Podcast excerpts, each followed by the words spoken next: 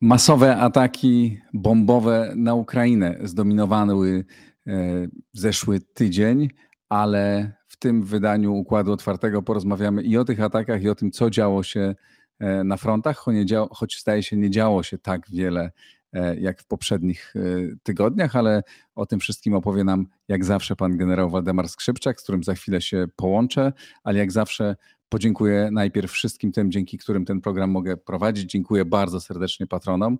E, kto z Państwa słucha regularnie Układu Otwartego i chciałby wesprzeć mój program, serdecznie zapraszam na mój profil w serwisie patronite.pl. I dziękuję, jak zawsze, mecenasowi Układu Otwartego, firmie MW Doradztwa. MW Kancelaria Doradztwa Restrukturyzacyjnego, która zajmuje się pomocą firm w trudnej sytuacji finansowej. Oraz przypominam tym z Państwa, którzy E, rozważają rekrutację do Szkoły Przywództwa Instytutu Wolności, której Układ Otwarty jest e, partnerem. E, trwa rekrutacja. Wybitni wykładowcy, między innymi jednym z nich jest pan generał Waldemar Skrzypczak, a jak udało mi się namówić e, nową, nowego fantastycznego wykładowca. Będzie również szef sztabu genera generalnego pan Rajmund Andrzejczak i wielu innych e, wspaniałych e, ludzi. Zapraszam Państwa. Rekrutacja trwa do 5 grudnia. Wejdźcie na stronę www.szkołaprzywództwa.pl. Tam wszystkie informacje na ten temat. A teraz już łączę się z panem generałem Skrzypczakiem. Dzień dobry, panie generale. Witam pana, witam państwa. Dzień dobry. Proszę powiedzieć, z pańskiej perspektywy, czy te e, ataki e, rakietowe na całą Ukrainę e, zdominowały zeszły tydzień, czy tam działo się cokolwiek poza tym i czy to może sparaliżować Ukrainę? Znaczy, myśmy to przewidzieli. Pamięta pan, u pana 14 października mówiliśmy o tym, że przed, Ukra- przed Ukraińcami najgorszy czas. Tak. Niektórzy tego nie zrozumieli, ale chodziło wtedy właśnie o to, co ma miejsce teraz, że te ataki, które zaczęły się po ataku Ukraińców na most Karczański, które były jakby odwetem za e, atak na most Karczański, te ataki są kontynuowane codziennie praktycznie i Rosjanie rzucają na Ukrainę mnóstwo rakiet, wystrzeliwują w Ukrainie mnóstwo, mnóstwo rakiet różnego typu, które niszczą, dewastują infrastrukturę krytyczną i dzieje się to, co powiedziałem u pana 14 października. Ukraina jest bliska kryzysu mm, humanitarnego, bym powiedział nawet katastrofy humanitarnej.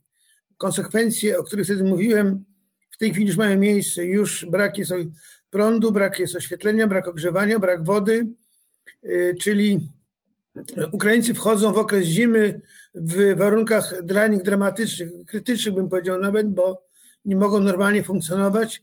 Również ma to duży wpływ na działania wojsk, bo mm, brak e, możliwości dostaw energii elektrycznej to również wpływa na działania wojsk, szczególnie tych, które organizują się w strefie tyłowej, bo wojska, które są na pozycjach bojowych, one sobie poradzą w każdych warunkach, one są przygotowane, mają generatory elektryczne, ten, także ten swój, znaczy prąd na swoje potrzeby wojska walczące mają, natomiast gorzej jest z tymi, którzy są z tyłu, zatem też e, wtedy mówiłem o tym, dzisiaj też warto to powtórzyć, że trzeba Ukrainie pomóc w tym kryzysie, a głównie kierując pomoc w postaci różnego typu generatorów, turbin elektrycznych, które by produkowały mm, prąd na potrzeby i wojska, i ludności cywilnej, aby Ukraińcy mogli tą zimę, ciężką zimę przetrwać i móc z nowym duchem bojowym wkroczyć w nowy rok i pobić armię rosyjską.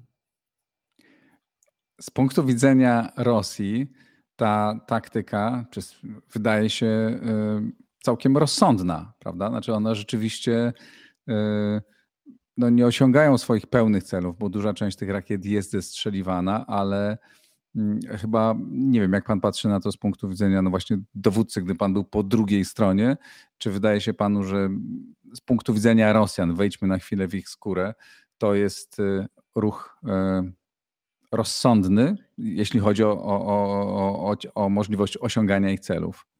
Znaczy generalnie jest to mm, moim zdaniem wyraz prowadzenia przez Rosję w stosunku do Ukrainy wojny totalnej. Niszczą wszystko, wszystkich, co tylko mogą niszczą, pozbawiając y, Ukrainy możliwości funkcjonowania, zniszczenie wszystkiego, co zapewnia temu państwu funkcjonowanie, jest niczym innym jak wymierzonym ciosem, który ma wymiar moim zdaniem wojny totalnej, który ma pozbawić to państwo wszystkiego. To jest skuteczne, okazuje się przynajmniej w części, bo już w tej chwili Ukraińcy mówią, że mają około 60-70% infrastruktury krytycznej nieczynnej, pozbawionej zdolności do funkcjonowania. Przy czym na pewno to, co Pan wspomniał, systemy obrony powietrznej ukraińskie są niezwykle skuteczne dzięki temu, że e, mają wsparcie z Zachodu i te systemy naprawdę, jeżeli mówimy w tej chwili o skuteczności systemów obrony powietrznej przeciwlotniczej na poziomie 70-80%, to rzeczywiście są to bardzo dobre rezultaty, bardzo dobre rezultaty. Pozostaje tylko problemem to, e, że Rosjanie mają zdolności wystrzeliwania rakiet z samolotów spoza e, przestrzeni powietrznej Ukrainy, z swojego terytorium i tutaj trzeba znaleźć jakiś środek, czy pomóc Ukrainie ten problem rozwiązać, ponieważ wydaje mi się, że to, to na pewno dokucza Ukrainie, ale widać wyraźnie, że Ukraina jest gotowa trwać, Ukraina jest zdeterminowana i na pewno e, to nie osłabia wcale woli oporu Ukraińców, to co się dzieje. Przeciwnie, moim zdaniem wzmacnia to wolę oporu, bo nic gorszego jak złość na tych, którzy dewastują moje miasta, moje wsie, moje życie. Ukraińcy to przychodzą i wydaje się, że Ukraińcy są zdeterminowani dalej walczyć w obronie swojej ojczyzny. Moim zdaniem Rosjanie będą tak długo tłuc w Ukrainę, jak długo im wystarczy e, tych rakiet i wszystkich środków, którymi e, uderzają w Ukrainę. Wydaje się, że ich, ich możliwości są coraz mniejsze, a z kolei zdolności odtworzeniowe tego sprzętu, czyli produkcja nowego, są też bardzo ograniczone, ograniczone o czym mówią między innymi komunikaty dowództwa armii ukraińskiej, które sądzę są oparte o e, ich wywiad, który mają głęboko w Rosji. Wydaje się, że to jeszcze kilka tygodni takich będzie, kiedy Rosjanie będą uderzali w Ukrainę, chociaż moim zdaniem przyjdzie taki czas, że już nie będą mieli czym i nie będą mieli w co, bo e, Ukraińcy będą szukali alternatywnych rozwiązań, które pozwolą im funkcjonować i przetrwać tą zimę, a rola Europy, rola nasza jest tutaj kluczowa. Wspomniał Pan o tym, że te rakiety że część tych rakiet, nie wiem jaka, czy większość, czy jakaś część jest wystrzeliwana z samolotów, tak, które mm, krążą poza terytorium tak. Ukrainy. Czy to znaczy, że jakby te pociski, te rakiety są trudniejsze do przechwycenia i do zneutralizowania? Znaczy, wydaje się, że bo to są e, rakiety, które są, e, części z nich rakietami hipersonicznymi, one mają duże prędkości i one są trudno e, do przechwycenia przez system obrony powietrznej. I to są te rakiety, które Rosjanie ich używają, choć mówię, oni mają ich coraz mniej, bo to są rakiety bardzo technologicznie zaawansowane i cechuje wszystkim duża prędkość, e, taka niedościgła dla e, tych klasycznych rakiet, które w tej chwili e, Ukraina ma w obronie powietrznej. To one są tymi, które niszczą infrastrukturę krytyczną. Czyli rozumiem, że Ukraińcy nie mają dzisiaj odpowiedniego sprzętu, żeby przechwytywać w każdym razie te rakiety hipersoniczne, które są wystrzeliwane z samolotów. Panie redaktorze, w tej chwili wszyscy ci, którzy wiedzą, czym jest rakieta hipersoniczna, pracują nad tym, żeby znaleźć środek, żeby ją zwalczać. I na razie takiego środka do zwalczania rakiet hipersonicznych jeszcze nikt skutecznego, sprawdzonego nie ma. Mhm. Czyli to nie jest tylko tak, że Ukraińcy tego nie mają, tylko po prostu takich rakiet, takich, takich środków nie ma. A na razie rozumiem, że nie mamy. Moskwy, przepraszam. Nie, nie, proszę bardzo. Na racji Moskwy od wielu lat jest mowa o rakietach hipersonicznych. Takie badania prowadzone są e, przez Amerykanów, przez również e, Chińczyków. Chwalą się wszyscy sukcesami, jeżeli chodzi o rakiety hipersoniczne, ale pierwszymi, których, e, pierwszymi którzy ich użyli, to byli Rosjanie i oni pokazali, że mają takie rakiety i one jednak są skuteczne, dlatego też wszyscy w tej chwili szukają do tego środka, żeby je zwalczać. Szuka się broni i laserowej, i innych systemów które mogłyby te rakiety zwalczać.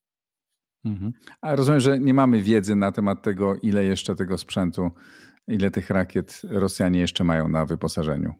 Możemy bazować tylko na informacjach, które przekazują Ukraińcy w mediach oficjalnie i bodajże chyba przedwczoraj była informacja dowództwa ukraińskiego, które mówiło o potencjale rakietowym, tym uderzeniowym armii rosyjskiej. On jest nie, znaczy znacząco osłabiony, ale jeszcze, jeszcze hmm. jest. I, I Ukraińcy mają świadomość tego, że nadal te rakiety będą spadały, dlatego też przygotowują się do tego, żeby te rakiety, które mogą, mogli, strącać i wydaje mi się, że system ich jest naprawdę bardzo skuteczny. To jest naprawdę chylę czoło. To, co oni osiągają swoją obroną powietrzną, to jest, są naprawdę wyniki rewelacyjne i daje wielu do domyślenia, na ile te rakiety, które e, ten, ten złom latający rosyjski spada na Ukrainę, ile tego złomu tak naprawdę spada. Niewiele okazuje się, bo Ukraińcy mają dużą skuteczność i to jest lekcja dla wszystkich innych, którzy e, te systemy broni rozwijają, bo jeżeli na 100 rakiet e, dolatuje tylko do celu 20, to kogo stać na taką rozrzutność, żeby 80% rakiet, czy 80 sztuk rakiet marnowało się w powietrzu. To jest e, do myślenia tych, którzy, którzy budują nowe systemy walki. Mnie zastanowiła jeszcze jedna rzecz, że mm, podawane są też e, dane o liczbie ofiar cywilnych po tych atakach i oczywiście no, każda śmierć jest dramatyczna i, i, i, i nie można tego bagatelizować, ale tak proporcjonalnie do ilości czy do liczby rakiet wystrzeliwanych, to tych ludzi ginie stosunkowo niewiele. No to jest, wie pan, e, no to się kłada, moim zdaniem kilka rzeczy się na to składa. Pierwsze, przygotowanie obrony Ukraińców. Ukraińcy przed wojną byli szkoleni e, w przypadku zachowań nalotów, ataków rakietowych i tak dalej. Oni wiedzą, co mają robić. To czego u nas się nie robi wcale. Oni, Ukraińcy, wiedzą, co mają robić. To po pierwsze. Po drugie, był przygotowany przed wojną system schronów ludzie, którzy e, jest, bo wszystkim jest system e, rozpoznania. Jeżeli system rozpoznania wykryje nalot rakiet, natychmiast ogłaszane są alarmy przeciwlotnicze, co powoduje to, że ludzie natychmiast udają się do schronów. Wszyscy. To pozwala im e, przetrwać te naloty. Kolejna rzecz, moim zdaniem, bardzo istotna, to to, że dokonano rozśrodkowania ludności. Z dużych aglomeracji miejskich dużo ludności przesiedlono czy rozśrodkowano do innych mniejszych miejscowości, które są mniej prawdopodobnie zagrożone uderzeniami rakiet. I tam ci ludzie funkcjonują.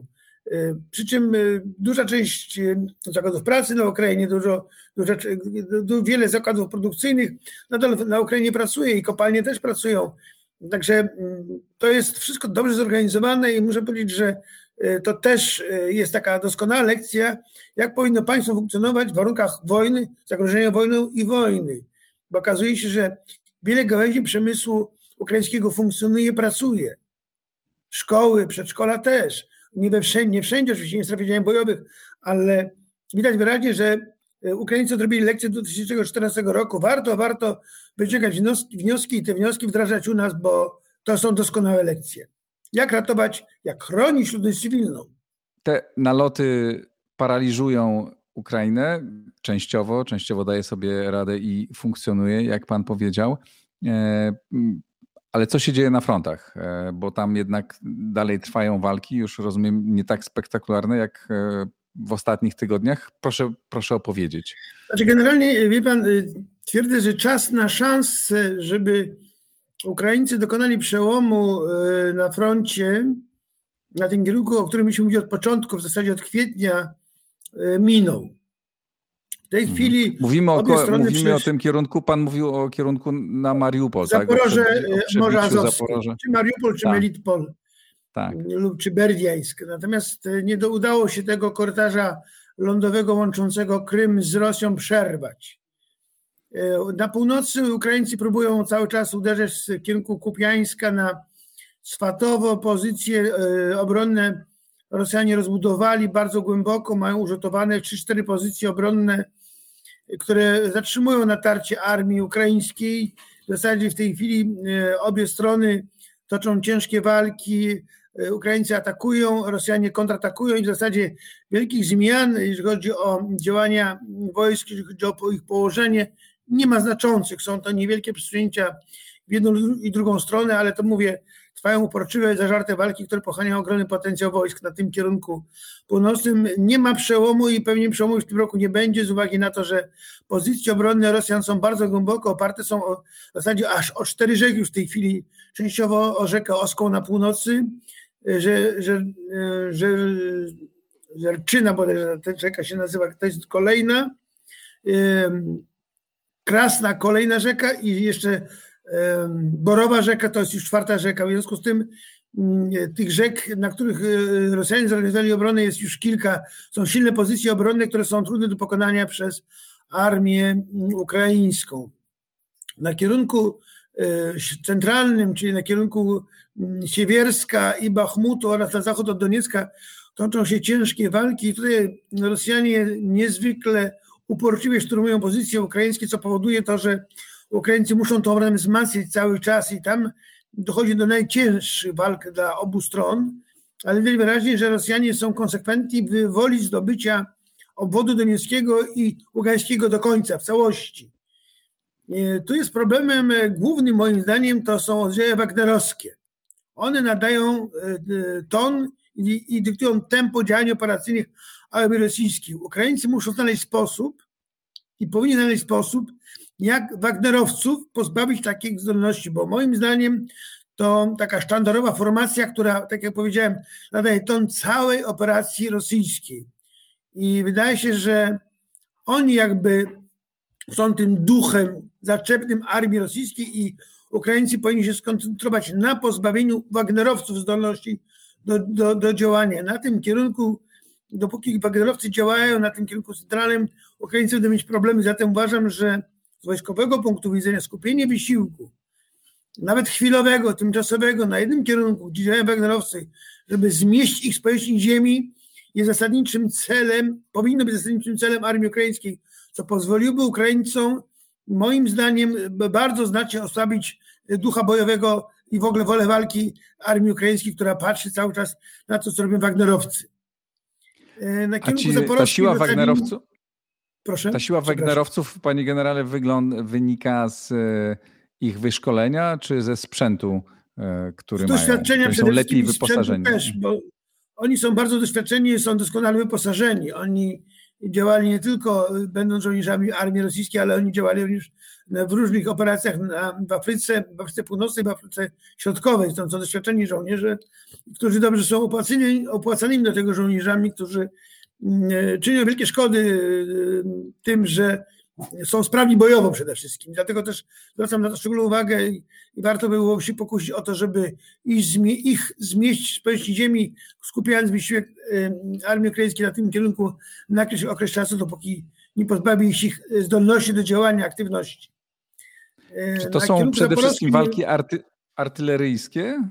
E, tak, to są wymiany ognia artylerii, E, z tym, że szturmują, e, no, wie pan, e, dzisiaj akurat nie szturmują, bo jest przerwa, pewnie się przygrupowują, ale to cały czas ma miejsce. Proszę pamiętać też, że aktywność w okresie zimowym, aktywność żołnierskich zgrupowań jest dużo mniejsza niż latem.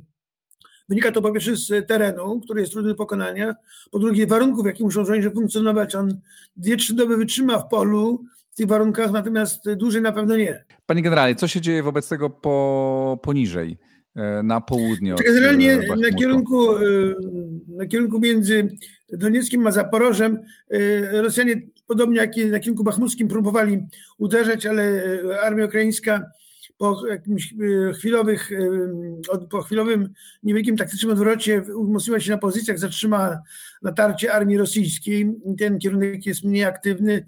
Podobnie kierunek hersoński, gdzie Rosjanie umocnili się na wschodnim brzegu e, Dniepru i będą prowadzili tą obronę bardzo skutecznie. Moim zdaniem Dniepr e, o tej porze roku będzie bardzo trudny do pokonania.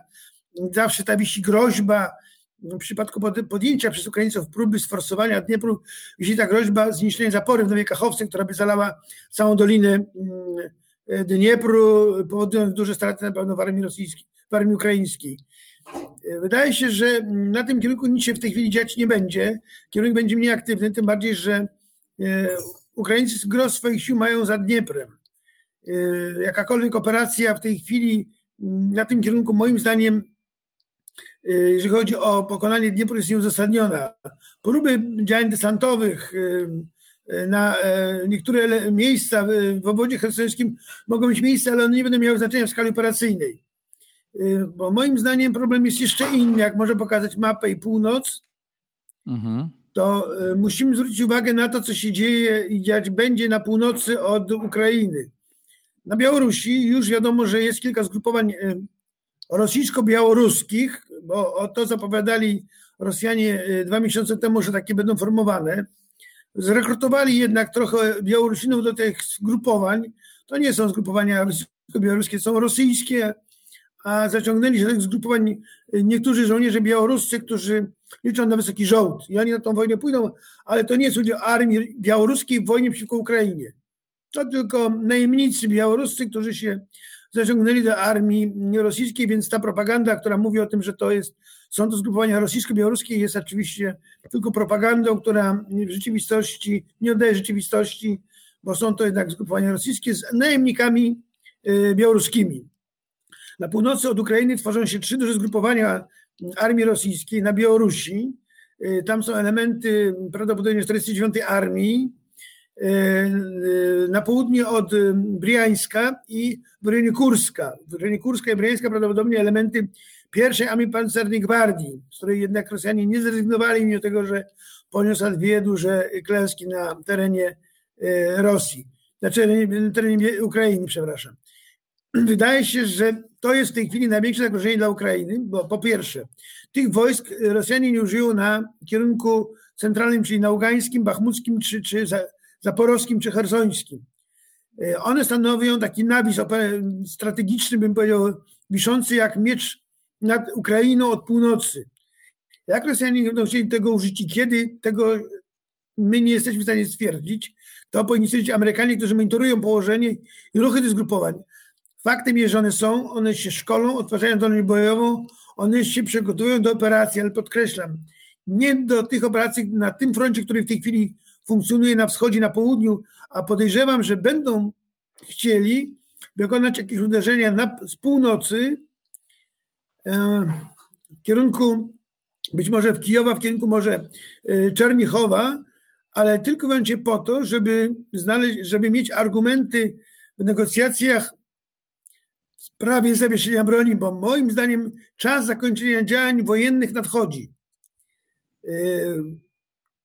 E, spotkanie mm, prezydenta e, Rosji i nie Rosji, Chin i Stanów Zjednoczonych w, mm, na, na G20 i podanie sobie przez nich dłoni świadczy o tym, że rozmowy e, wielkie dwójki trwają i to samo spotkanie dowodzi, że te rozmowy są mocno zaawansowane. Do takiego spotkania by nie doszło nigdy, podanie sobie dłoni przez tych panów, jakby nie było rozmów, jakiegoś dialogu między wielkimi graczami o tym, co zrobić, żeby tą wojnę zakończyć, która szkodzi obu stronom. I Chińczykom ekspansji ekonomicznej, a Amerykanom, bo jest to wielki wysiłek dla Ameryki wspieranie Ukrainy. Więc będą szukali rozwiązań i będą szukali rozwiązań. Wydaje mi się, że już w styczniu, lutym może w okresie świąt prawosławnych, kiedy mm, być może wojska jednak osłabią swoją aktywność operacyjną, wtedy będzie czas na to, żeby siąść do stołu i rozmawiać. Do tego czasu obie strony, i Ukraińcy za wszelką cenę będą chcieli odbijać swoje terytoria, żeby mieć większą szansę przy stole negocjacyjnym, a i Rosjanie będą chcieli jeszcze coś urwać z Ukrainy, żeby mieć, móc dyskutować przy stole i mieć kartę do przetargową. Zawsze w tej chwili idzie jest to wyścig z czasem, kto zdobędzie więcej, kto odzyska więcej. Rosjanie zdobyć, no tak, wyścig z czasem. odzyskać. Ale z drugiej strony, jak pan powiedział, niewiele się dzieje i tak w, na początku mówi pan, że w najbliższych tygodniach raczej nie możemy się spodziewać jakichś spektakularnych e, akcji. Znaczy, ja e, z niepokojem patrzę na północ e, Ukrainy, co, co Rosjanie planują z tymi zgrupowaniami wojskowymi, które odtwarzają w zasadzie od miesiąca, e, końca września. I mnie niepokoi, co może się wydarzyć i wydaje się, że to też nie niepokoi dowództwo ukraińskie, bo Ukraińcy ten część sił, która była na przyczółku hersońskim, przesunęli na pewno w rejon Donbasu, żeby wzmocnić obronę, a jednocześnie mhm. przygotowują się do tego, żeby zadziałać przypadku, gdyby doszło do jakiejś niespodzianki od północy. Stąd nie ma w tej chwili, moim zdaniem, możliwości prowadzenia przez Ukraińców szerokich operacji zarówno na południu, jak i na północy, w kierunku Charkowa na, Charkowa na Ługańsk, choć e, takie nadzieje wszyscy też mieliśmy, że ten zagon pod e, Ługańsk e, dojdzie.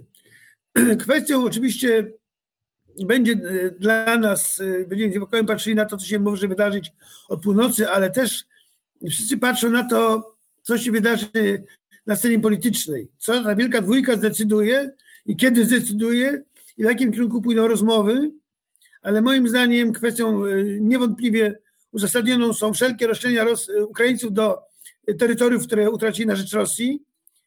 Moim zdaniem kwestią otwartą dla Wielkiej Dwójki pozostanie sprawa Krymu. Y, chyba nikt no, nie ma wątpliwości, temat... że na ten temat wypowiadał się wczoraj bodajże, bo rozmawiamy tę rozmowę, nagrywamy w piątek rano. E, w czwartek, zdaje się, prezydent Zełański e, powiedział po raz kolejny jasno, że w ogóle nie ma, Krym nie jest żadnym tematem do, do rozmowy, Krym musi wrócić do Ukrainy. Znaczy, wie pan, ja uważam, że Zełański oczywiście ma rację, niewątpliwie ma rację, e, natomiast to wielka dwójka zdecyduje o tym, jak, jak e, będą wyglądały granice państw po wojnie, jak będą e, ustanowione e, rządy w tych państwach. Ja w tej chwili, wie pan, pamiętajmy o tym, że to nie Ukraina decyduje o tym, kiedy wojna się zakończy, ani Rosja, bo w tej chwili obie strony są determinowane tę wojnę kontynuować. Ale świat jest tą wojną zmęczony. I to świat decyduje o tym, kiedy będzie koniec wojny, bo jeżeli Ukraińcy będą się upierać, żeby dalej walczyć i tę wojnę kontynuować, to okazać się może, że w pewnym momencie wielcy tego świata decydują, że nie i zostanie wstrzymana pomoc dla Ukrainy. A Ukraińcy bez 5 miliardów miesięcznie od Stanów Zjednoczonych, od świata całego, na to, żeby móc funkcjonować bez wsparcia wojskowego, Ukraińcy nic nie zrobią. Zatem dlatego też Ukraińcy mają świadomość tego, że trzeba się spieszyć, zmobilizować się, zwiększyć wysiłki, żeby terytorium odzyskać, ale moim zdaniem Wielka Dwójka nakaże wręcz Moskwie oddać wszystkie zagarnięte terytoria Ukrainie.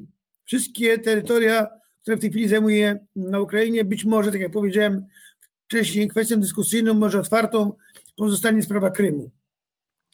Pytanie jest e, takie, czy te czy przedmioty tego, tej, podmioty tej dyskusji jakby z, na to się e, zaakceptują te rozwiązania. No i pytanie jest takie, jakby jak, jakie cele sobie stawiają dzisiaj Stany Zjednoczone, tak? Czy dalej, czy dalej są zdeterminowane e, do tego, żeby Ukraina tę wojnę wygrała, co wydaje się być w oczywistym interesie e, Ameryki i te koszty są z jednej strony bardzo wysokie, to prawda, ale z drugiej strony zyski z wygranej e, wojny, z osłabienia Rosji, która E, dla Ameryki też będą bardzo duże, no bo wtedy jakby koszty zabezpieczenia, zabezpieczania się Ameryki przed, mm, przed e, e, kolejnymi jakimiś agresywnymi ruchami Rosji będą dużo mniejsze, bo to państwo będzie dużo słabsze, więc per saldo to wydaje się ciągle bardzo dobre rozwiązanie dla Stanów Zjednoczonych i opłacalne. Znaczy generalnie Rosji,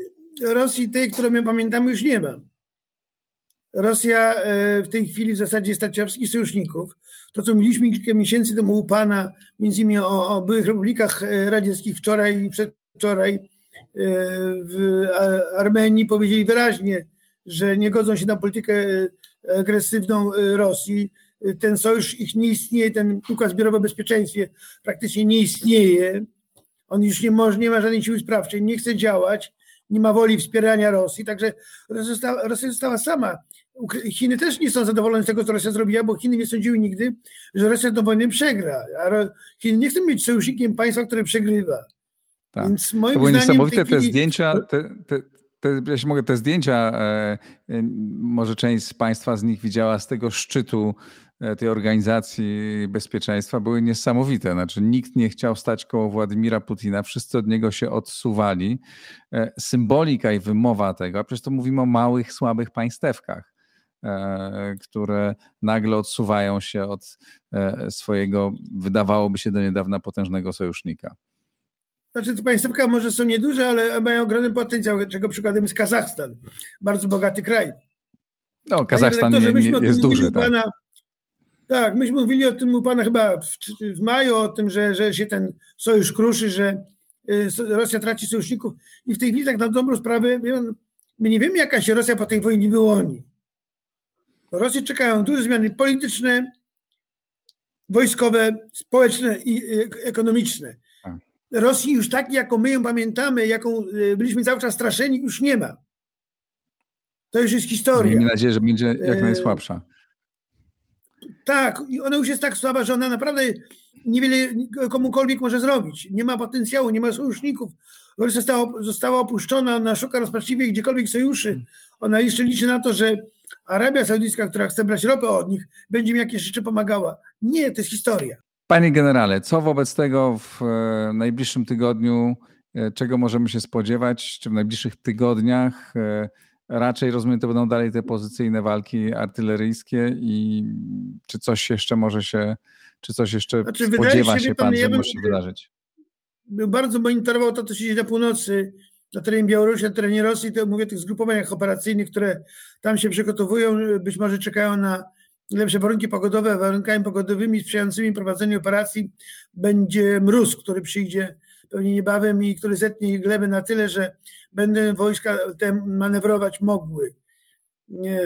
Ukraińcy muszą mieć świadomość tego, że Rosjanie jeszcze nie powiedzieli ostatniego słowa i na pewnej zdolności jakieś części się odrodziły i one są nadal niebezpieczne. Ja podkreślam cały czas, nie wolno lekceważyć Rosjan. Ja wiem, że myśmy jeszcze trzy miesiące temu mówili z wielkim optymizmem o, takim, e, o, o tych operacjach, ale to wynikało z postępów e, armii ukraińskiej.